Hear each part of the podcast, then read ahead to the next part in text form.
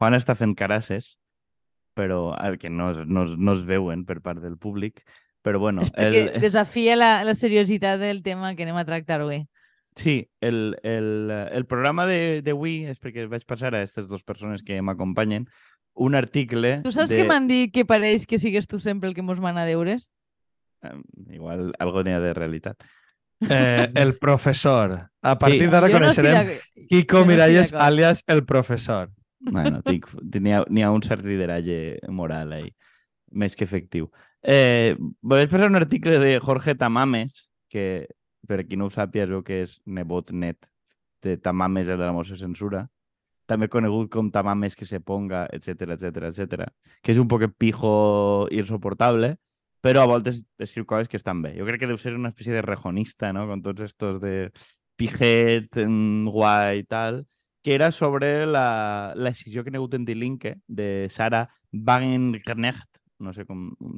Inclús havent anat a classes d'alemany m'ho veig negre per a pronunciar el seu nom, que és una pava que de Dilinque que s'ha escindit del partit eh, en una tendència com rojiparda de eh, no sé, té com un discurs més crític en la migració tal, i sobretot té un, un discurs com molt més populista que Die Linke.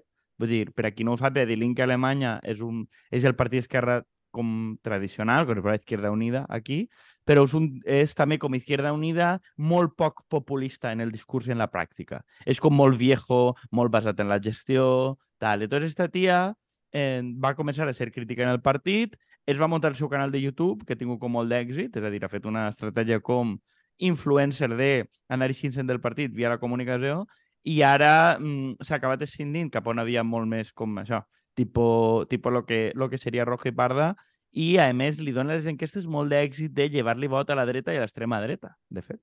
Eh, Però ja ho havia intentat abans, no? En, Sí, en, sí. em sona que l'article dia que en 2018 ho havia intentat, però que ahir no havia tingut massa Exacte. èxit. La... però que no s'havia acabat com de, de cindir i, i mentrestant han canviat moltes coses també.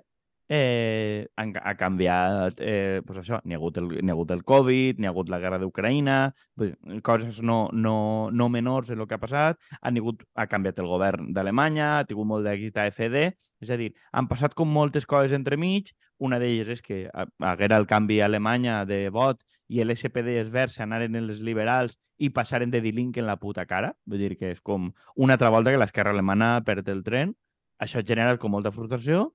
El seu canal ha tingut molt d'èxit, vull dir, la veritat que ha portat molt bé la, la política de comunicació i sobretot el tema de lo que ha passat en Rússia i tal. O sigui, Mm. perquè al, al final el que esta dona ve a dir, entre moltes coses, de la migració, però que en general a Alemanya tot el món vol expulsar immigrants ja, vull dir, en la qual, bueno, que s'hagi unit a aquesta dinàmica és una miqueta lo de menos, també, per poner context, el tipus de dilinque oficial va eixir l'altre dia en una bandera d'Israel com a que a tope, vull dir, que, claro, se cindix d'una esquerra que és una basura, o sea, que la tipa serà fatxeta, però és que vull dir, l'esquerra oficial és pro, pro genocidi, vull dir, és una puta merda. Sí. Entonces, s'ha d'ahí i una de les coses que planteja és, bueno, Alemanya el que té que fer és entendre's en Rússia eh, per al tema del gas i no tenim que jugar a fer la política que fan els americans i tal.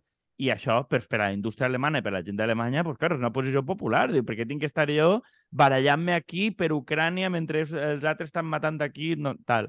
I esta dona, que jo no ho sabia, a banda, és la, la dona d'Òscar Lafontaine, que és el fundador de Dilinque, vull dir que és, és, era un ministre de l'SPD dels 90 que es va escindir precisament perquè estava en contra de, del pacte d'estabilitat europeu, de la política d'austeritat, tal com s'entén allí, tal i qual.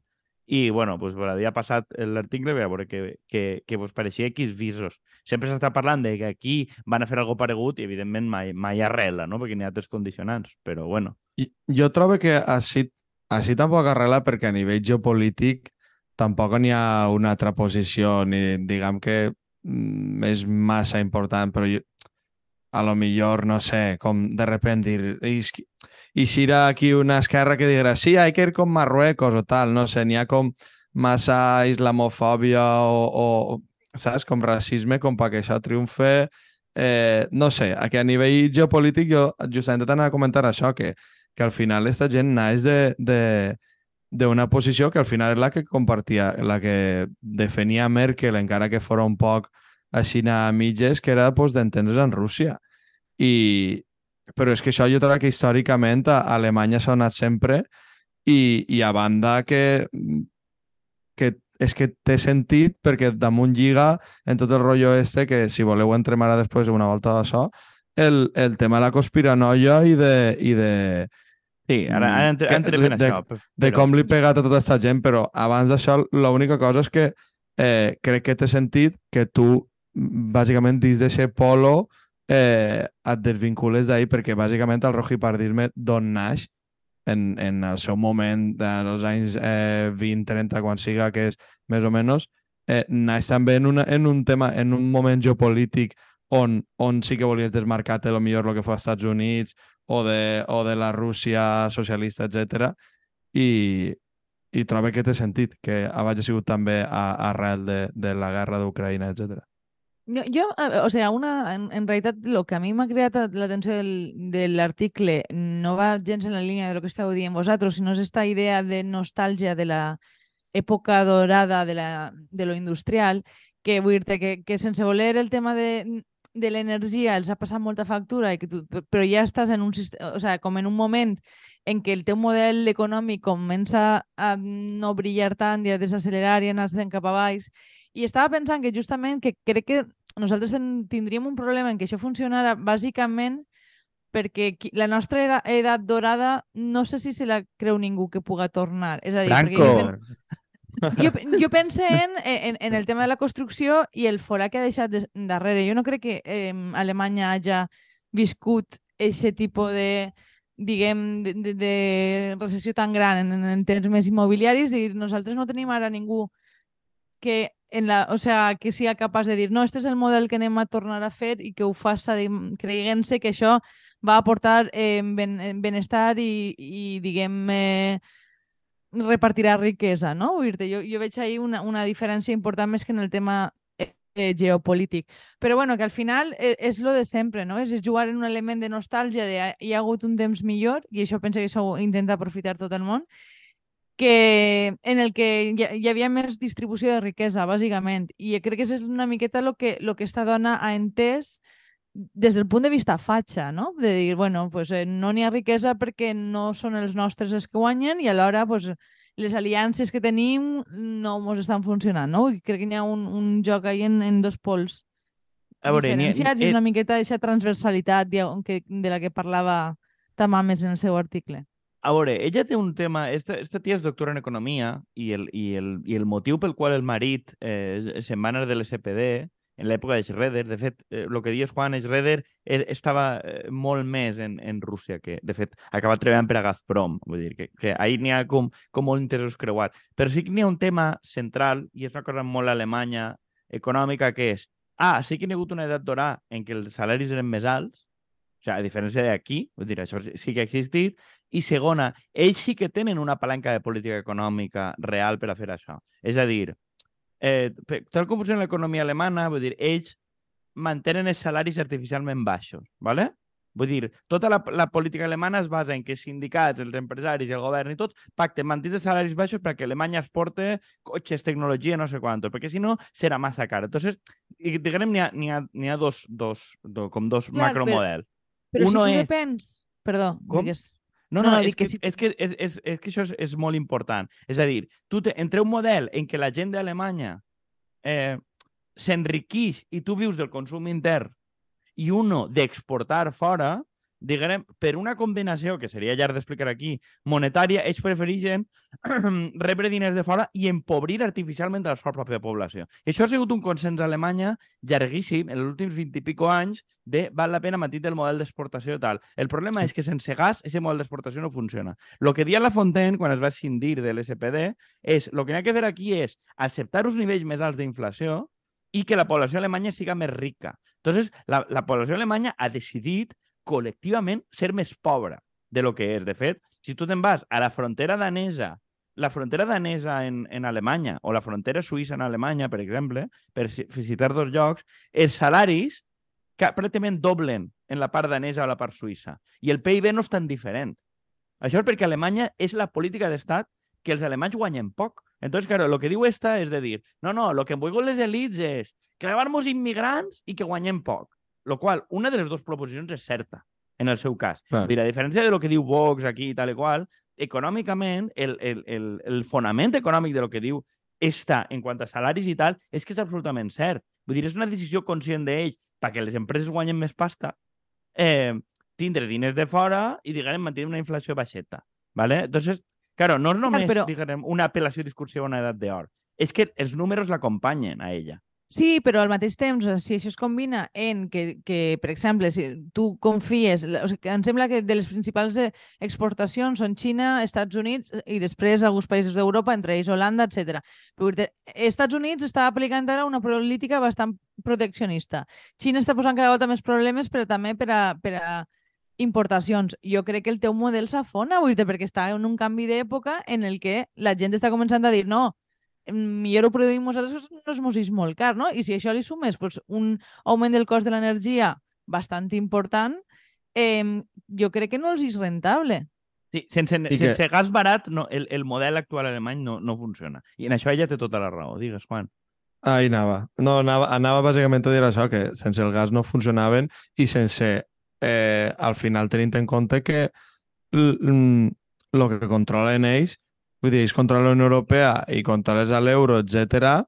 i al final eh, el model que tenen no deixa de ser eh, pues algo similar al d'Espanya, no? competir en preus, el tema és que tu fas en un punt de vista industrial i, i no ho fas en el sector serveis o el turisme com passa així.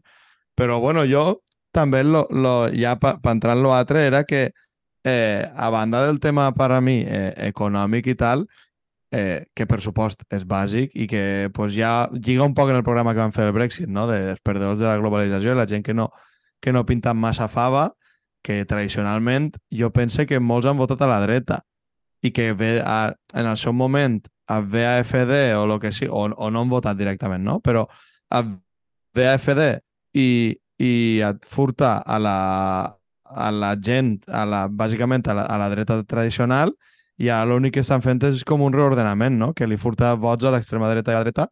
El tema és també a quin preu, perquè el preu també és de comprar-li de que ja, com ja li has comprat de facto, com dia Kiko, que el tema racista i el tema en la migració i tal, pues ja eh, per lo menos ser rojipardo, vull dir que no sé a quin punt és un moviment que no siga intel·ligent per sobreviure, saps? Perquè ja que, ja que vas jugar a això, almenys fer-ho bé.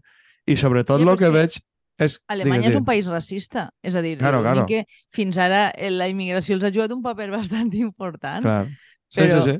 Ja, però un, un Però- parèntesi. És a dir, també a l'hora de... És que, claro, des d'Espanya també és molt fàcil de dir. És a dir, una gent que té no sé quants milions de turcs entre la seva població, realment, i que quan ha vingut els, els de Síria, no sé quantos, ha acollit a dos milions de No, persones ja, està i no clar. a 100.000, és que, clar, el, el, el tema és que crec que també és molt fàcil dir des d'ací, dir, no, és que els alemanys, mira, ja, ja, és com, és com dir, no, és que, claro, en Estats Units són racistes en els negres, és com dir, no, és que el teu equivalent són els gitanos, vull dir, no, no, no Ja. són els negres. Entonces, claro, Mm. a Alemanya, a, eh, a Alemanya n'hi ha, ha un descontent social perquè ells tenen els salaris eh, afonats per decisió governamental i per política, les empreses guanyen pasta i ells han acollit milions de refugiats per iniciativa de Merkel i tal. Aquí es va acollir l'Aquari, es fa una foto un dia, Pedro Sánchez i Rajoy no diuen res, però clar, aquí no pot existir aquest racisme perquè no m'ha acollit una puta merda. Vull dir, De fet- mora moralment mos peguen 2.000 patades també.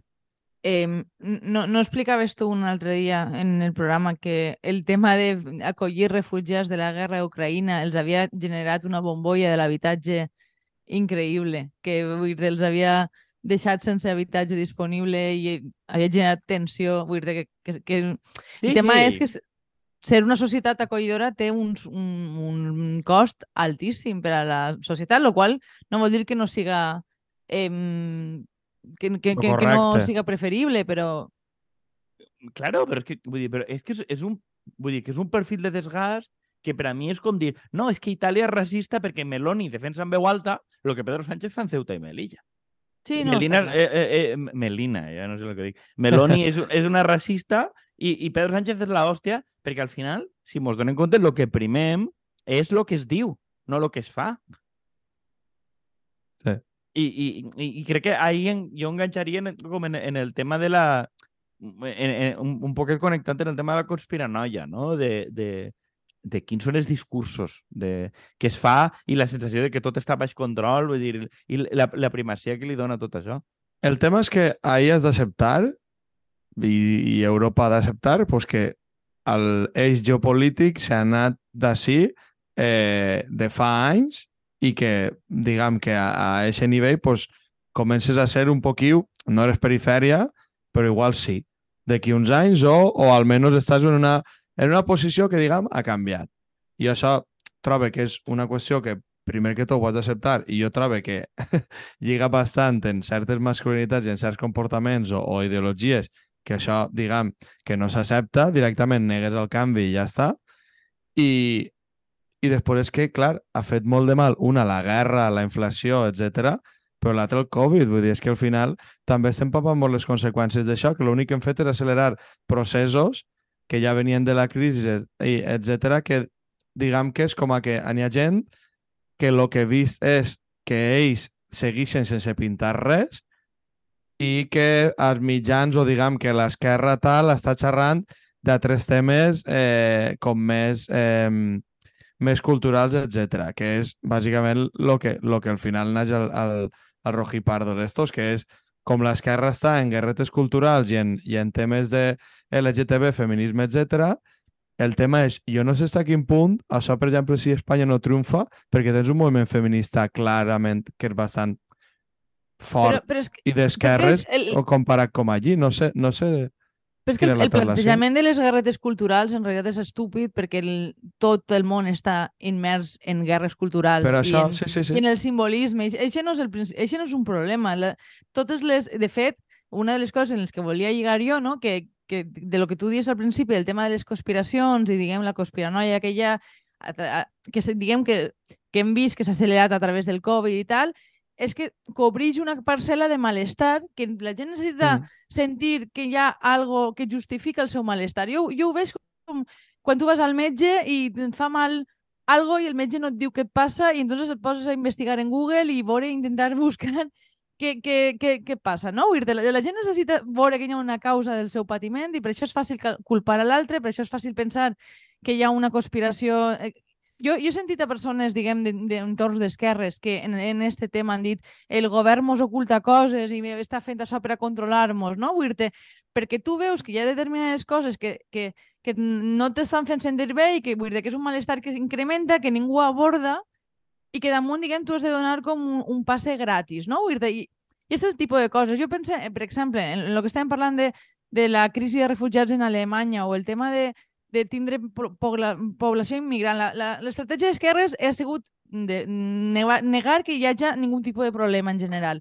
I, i probablement, vull dir això alimenta l'extrema dreta, perquè aquesta quota de malestar que es genera l'abordes la, des d'una de, política fascista que és com, bueno, pues me'ls fem fora, no? Vull dir probablement l'admissió la, de que existeixen problemes, de que existeixen malestars, no significa que la s'hagi d'abordar des d'un una política de dretana. N'hi ha diverses maneres d'enfocar-ho de, i jo crec que això és diguem, el, el, el tema que hauríem de tractar en el fons, no? Però a veure, també hi ha una cosa que eh, probablement a molta de la gent que crea opinió en aquestes coses, i a Espanya crec que el tema no està tan segregat com pot estar a Alemanya o a França, la gent que crea opinió en aquests cercles no li passa això pel carrer. És a dir, jo ho veig molt, a, a València, mm, eh, quan tu creues d'una avinguda a altra, aquestes setmanes a Orriols, el proper d'un visió, ha, ha hagut apunyalaments, la policia està cobrint el barri no sé quantos i tu creues l'avinguda i vius una vida absolutament plàcida. I a un costat n'hi ha molta més organització progressista, no sé quantos, que, que a l'altre costat, perquè viu més gent de, de classe mitjana que està buscant la tranquil·litat o el que siga eh, d'universitaris. I allí n'hi ha un problema d'inseguretat que és l'hòstia. És dir, de passar droga, de no sé què, de tal. La gent de perfil treballador de Oriols està vivint una situació mil voltes més agra en el dia a dia que la majoria, m'atrevisc a dir, dels activistes d'esquerres que estan preocupats pel tema de l'habitatge i tal i qual. Que, que és veritat que estan preocupats, però nosaltres no vivim aquesta inseguretat. I moltes vegades aquesta inseguretat eh, correlaciona amb immigració, correlaciona amb pobrea, sobretot. Clar, però i també, i també això ho està vivint el tio de dretes? d'extrema dreta? Eh... És obvi que no. Vull dir, que tu al final ahí, però és que jo dubte que lo millor esa persona que està patint això Oriols, ar, vull dir, a banda de que puga votar, o no sé, és com la correlació sempre de que la pobrea va lligar en l'extrema dreta, No, no, jo no dic és que jo- No, no possiblement- estic dient això, jo, jo No, no, no. penso que estic Sí, sí, dient no, això. vull dir, no, el malestar. En el malestar i la inseguretat, eh, lo normal és que tu al final dius és que la gent que acaba votant aquestes opcions, que en este Però cas... eh, no malestar en la inseguretat, malestar en la pobresa. Si és que, eh, Sí, és sí, que sí. El, problema, el problema que vivim és, és que, i de, fet això eh, connecta en altres programes que hem fet anteriorment, és que hi ha una segregació de la hòstia. Perquè això que estava comentant Kiko, perquè en una ciutat com València, que és xicoteta, la concentra... O sigui, en, el funció del barri que visques, el tipus de realitat a la que vas enfrontar-te varia considerablement. I crec que això sí que fa que no tinguem clars quins són els problemes de la gent que realment, diguem, necessita que s'aborde el seu malestar, no? Vull dir, de malestar en tenim tots, però és evident que n'hi ha gent que està patint molt més esta crisi que hem viscut que altres. I que, jo lo vull que, dir, lo, lo- lo que volia dir, eh, eh, acotant això, Juan, és que n'hi ha un desequilibri entre la política d'esquerres que tu veus en la tele Per supost. i lo Això que, i lo és- que, i lo que tu veus al bar. Entonces, crec que és molt fàcil tendir a pensar que una... No, no perquè t'assalten a tu o no, sinó perquè tu en un bar, igual, en, en el barri del costat, perceps que hi ha un problema real, però que tot el relat de lo que és la política va sobre algo completament diferent. Crec que és fàcil caure en la conspiranoia per aquest costat i, Mm. mm. i crec que la, la, el, el contrapunt d'esquerres d'això és el tema del yoga, l'espiritualitat i no sé quantos. Vull dir que és quanta gent, al no haver una pràctica política de cap classe, es clava en dinàmiques de perfil molt individual i no sé què, que és el que diuen sempre, la individual, la, les paternitats, el no sé quantos. Vull dir, tot aquest rotllo t'acaba portant també a un punt de conspiranoia. Vull dir, quanta gent coneixem que s'han acabat fent antivacunes o han perdut la xaveta des d'un punt de Mm. vista progre espiritual en pandèmia, un grapat. Però també et dic una cosa, en part ahir en, n'hi ha perquè no n'hi ha ningú dient, a banda de que, vale, s'ha de vacunar o el que siga, no n'hi ha ningú dient, hòstia, eh, és que també, vull dir, contant la veritat a lo millor d'això, ja, ja hem, hem arribat al punt de que hay que contar verdades, però en plan, pues clar que òbviament la vacuna va tindre aquests problemes, i clar que va tindre, saps que és com, eh, en, Ja, en però- aquest moment, però és com, no pots parlar d'això perquè aleshores eh, passaràs a ser un... Anti... I jo trobo que el debat públic ahir estaria a lo millor un poc millor que, que tu a lo millor com a opció d'esquerres o el que siga pogueres dir, mira, n'hi ha que vacunar-se pel bé comú, per lo que siga, no sé quantos, dius, i a les persones a les que tinguen alguna problemàtica o el que siga, eh, no sé, ajuda, el que siga. Però es parla d'això en la sexta i en la SER? No, vull dir... No, però això ho dic. Clar, però és que eh, jo, jo la, la primera cosa que parla ja no és de, de com es parla i com s'aborde, sinó que jo veig que sí que n'hi ha una realitat, que n'hi ha una agenda de rollos de Yolanda ha dicho tal, Pedro D'Ángel ha dicho lo mismo, que és com una telenovela que està Mm. absolutament aïllada com de molts problemes substantius. Per Entonces, la, supost. la, la gent... És normal que se'n vagi a una conspiranoia de... És un- de diferent tipus. perquè està L'agenda buscant- 2030, globalismo, lo que siga. Claro, pero porque yo creo que conforme decía Andrea, creo que la gente está buscando una explicación a lo que le pasa que l'autoritat, i l'autoritat, ahir els mitjans, juga com a autoritat, no li dona. Si no estan parlant de tu, vull dir, tu et montes la teva pel·lícula, el qual és normal perquè és com lo del metge, vull dir, tu continua fent mal, encara que el metge diga que no és res. Pues tu vas a buscar en Google normal, el tema és perquè no, no, no coincideixen les dues coses. Que al no, final no, el, el comunisme o el socialisme en el seu moment al final té una explicació de classe ahí. té una explicació que del, no del món. Del Clar, món, tenia, de et donava una explicació. Clar. El problema és quan tot això ha caigut, el que queda pues, és el reiki. I, I, i tot això. Eh, anem Andrea? fent una ro- rondeta final, Andrea? No, jo, jo estava escoltant-vos. No, no tinc molt més a afegir. Vull dir que utilitzar les meves metàfores jo ja estic contenta. Ah, bé, està. si, no, si no queden metàfores en, en Ah. la retaguardia, ja està. Andrea mos ha guanyat perquè ja eh, compartim el seu, el seu missatge. Eh? Més de rejonista no es pot ser ja. No, sí, pues bueno, jo, jo, jo per tancar em, em quedaria que, més allà de jutjar negativament, que, que jo crec que la, que la vaga negativa és, un- és una cunyà de, de, de mucho cuidado, que al final eh, n'hi ha una qüestió de- d'oferta i demanda, vull dir, l'oferta mos pot no agradar, però crec que com parlàvem en la de Brexit, és obvi que n'hi ha demandes insatisfetes i crec que si mm, un terç del votant d'extrema dreta alemany és capaç de canviar de jaqueta a una pava que té un discurs en lo econòmic molt socialista, igual és que jo em quedaria en que les fronteres igual no estan tan tancades com mos ven en la Sexta, la SER, bla, bla, Mm. bla. Así nada es. Hacen bien las preguntas, pero fallan en sus respuestas. Esa es su respuesta, sí. Eh, comparto el diagnóstico de Podemos con Díaz Cebrián, pero no sus propuestas para esta sociedad. Eh, y tal. pues Bueno, ya está, ¿no? Pues ho deixem Parlant de- així. Vale, pues... adeu. Adeu. Que Adeu. rojipardos estan atacant ara mateix Andrea per darrere. Vale.